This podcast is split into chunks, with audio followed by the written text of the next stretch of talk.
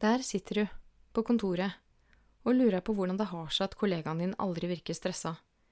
Hun kan gå hjem fra kontoret til vanlig tid og klager aldri over å ha for mye å gjøre. Mens du sitter med kveldsarbeid hver dag og føler aldri at du blir helt ferdig med jobben. Og det til tross for at dere har samme stilling. Hva er det som gjør at dere to opplever arbeidssituasjonen så ulikt? Det skal det handle om i denne episoden. Du lytter til Med hjerte for jobben, en podkast om stressmestring og arbeidsglede, selvledelse og karriere.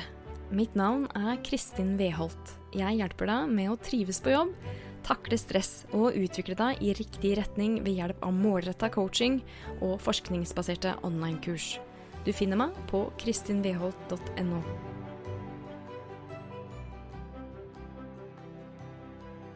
Hvis jeg forteller deg at du alltid har et valg, hva tenker du da? Er du enig? Eller tenker du at det i så fall er en sannhet med modifikasjoner? Her kommer en tilståelse. Med min personlige historie med stress friskt i minne, har jeg fortsatt litt lyst til å himle med øynene når jeg hører folk si 'jeg velger å ikke la meg stresse'.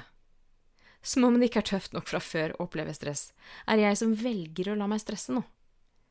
Her om dagen tok en kvinne kontakt med meg for å bestille coaching. La oss kalle henne Hilde, selv om hun jo ikke egentlig heter det. Da er min prosedyre at vi tar en uforpliktende prat først, for å finne ut om det er en god match mellom Hildes behov og kompetansen jeg har som coach. Først beskriver Hilde så godt hun kan hvordan situasjonen hennes er. Og så kommer spørsmålet også mange før henne har stilt meg. Er jeg på feil plass, eller er det bare jeg som må skjerpe meg? Skjerpe, da? Åh, den skammen. Skammen over å bli stressa. Skammen over å ikke være robust. Skammen over å være skjør, persilleblad, lett stressa. For Hilde og alle som føler det som Hilde, gjør det vondt å høre fra andre. Jeg velger å ikke la meg stresse, ja da. Jeg ville aldri svart Hilde med at det er hun som må skjerpe seg. Hva betyr egentlig å skjerpe seg? Men la oss snakke litt om det her med valg. Er det sant at det går an å velge å ikke la seg stresse? Som coach er min oppgave å støtte deg i å lede deg sjøl. Gjennom refleksjonsarbeidet du gjør i coaching, får du større selvinnsikt, og den innsikten kan du bruke til å gjøre det som er hensiktsmessig for deg, enten det gjelder å endre på noe som ikke fungerer optimalt, eller å forsterke det som fungerer bra. Du leder altså deg sjøl ut fra selvinnsikten du får i coaching. Et grunnprinsipp i selvledelse er at du som menneske har fri vilje. Ideen om den frie viljen er annet beskrevet av eksistensfilosofen Jean-Paul Sartre, og han viser at med den frie viljen følger et ansvar. Ansvaret for ditt eget liv. Livet du lever, er noe du i stor grad skaper sjøl gjennom valg du tar. Enten de valga er aktive eller passive, og av det følger at du ikke kan skylde på andre når du gjør et dårlig valg. Så hva har det her med stressmestring å gjøre? Jo, la oss ta en titt på definisjonen på stress. I henhold til professor i psykologi Richard Lazarus, som gjorde et banebrytende arbeid i forskningen på stress, så går definisjonen på stress som følger. Stress er en ubalanse mellom opplevde krav og opplevde ressurser. Jeg snakker mye om den definisjonen her på podkasten, og akkurat nå har jeg lyst til å dykke ned i ett ord i definisjonen som er relevant for dette her med at du har fri vilje og derfor alltid har et valg. Det er ordet opplevde. Når du opplever stress, så handler det om en spontan vurdering du gjør i situasjonen du befinner deg i. Din vurdering av krava du møter, og ressursene du har til å møte krava. Når jeg sier at vurderingen skjer spontant, så betyr det at du gjør den fort, uten å tenke deg om. Det skjer på autopilot.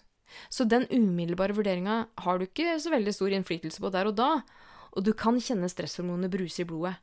Men etter nærmere ettertanke åpner det seg kanskje noen valgmuligheter som får stresshormonene til å ta seg en bolle.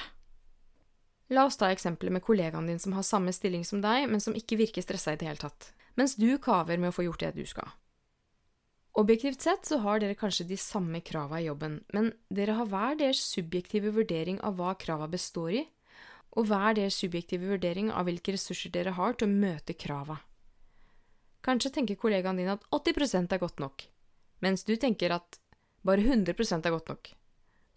Bare det faktum at det ikke fins noen objektiv standard for hva 100% er i mange tilfeller, det kompliserer det hele, men du skjønner hvor jeg vil. Dere kan forstå de samme krava på forskjellig vis.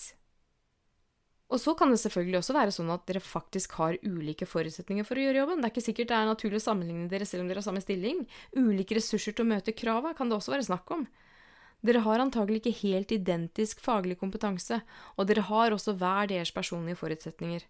Et eksempel kan være at kollegaen din har den personlige ressursen evnen til å jobbe strukturert, mens du strever med å skape struktur i arbeidet ditt. Dere vil aldri ha et helt likt utgangspunkt. Men selv den variabelen tatt i betraktning, så kan det hende at du syns at du likevel burde klare jobben omtrent like effektivt som kollegaen din. La oss gå tilbake til dette med valg. Når stress er en opplevd ubalanse mellom ressurser og krav, så betyr det at stress er en subjektiv erfaring. Stress knytter seg til en opplevelse, og den er individuell. Sagt på en litt annen måte handler ikke stress så mye om hvordan du har det, men hvordan du tar det. Tenk litt på det.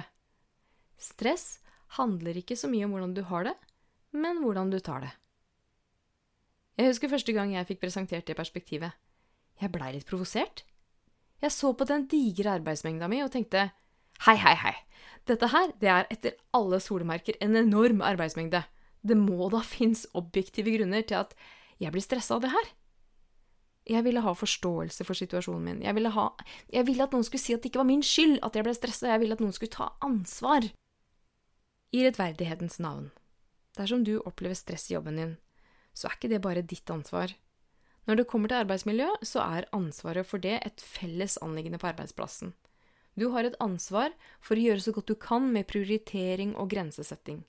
Og du har et ansvar for å si fra til lederen din når det blir for mye. Men lederen din har også et ansvar for å hjelpe deg med å prioritere, avlaste deg og skape så mye fleksibilitet som mulig ut fra hva du trenger. Kollegaene dine har også et ansvar for å vise omsorg for deg og hverandre ved å snakke om stress når det oppstår, og ikke minst å hjelpe til med avlastning og opplæring. HR og verneombud har også et ansvar for at arbeidsmiljøet deres er fullt ut ansvarlig, og til og med toppledelsen har ansvar for trivselen på jobb, ved å sette retning for organisasjonen og gi arbeidsmiljø strategisk prioritet. Så nei, du bærer ikke ansvaret for stress helt aleine. Men når stresset først oppstår, så har du et ansvar for å hente inn de ressursene du trenger for å mestre situasjonen. La oss dvele litt mer ved spørsmålet om det fins objektive årsaker til stress på arbeidsplassen. Er det noe som ikke har med deg som enkeltindivid å gjøre, som kan skape stress? Vel, Statens arbeidsmiljøinstitutt beskriver en hel rekke arbeidsmiljøfaktorer som kan ha betydning for det psykososiale arbeidsmiljøet, som bl.a. omfatter stress og mistrivsel. Og det er faktorer som kvantitative krav i jobben, emosjonelle krav, hvor mye autonomi eller selvbestemmelse du har i jobben, hvor tydelig rollen din er for deg, osv. Men selv de arbeidsmiljøfaktorene koker jo ned til at det handler om din opplevelse av situasjonen. Med din frie vilje og det faktum at du alltid har et valg, kan du velge å ta det på en annen måte. Du kan velge å svare på situasjonen du står i, på en ny måte. La oss si at du har en arbeidsmengde som framstår som uoverkommelig for deg, og det skaper stress. Hvilke valg kan du aktivt ta da for å lette på situasjonen? Jo, her kommer noen forslag. Du kan velge å takke nei til noen av oppgavene. Du kan velge å be om avlastning. Du kan velge å involvere lederen din, sånn at hun eller han kan godkjenne prioriteringene dine, f.eks. at noen oppgaver må ligge på vent eller ikke bli gjort i det hele tatt. Du kan velge å lære deg noen strategier for å jobbe mer effektivt. Du kan velge å gjøre oppgavene passe bra istedenfor perfekt, hva nå enn det betyr, så du får gjort mer.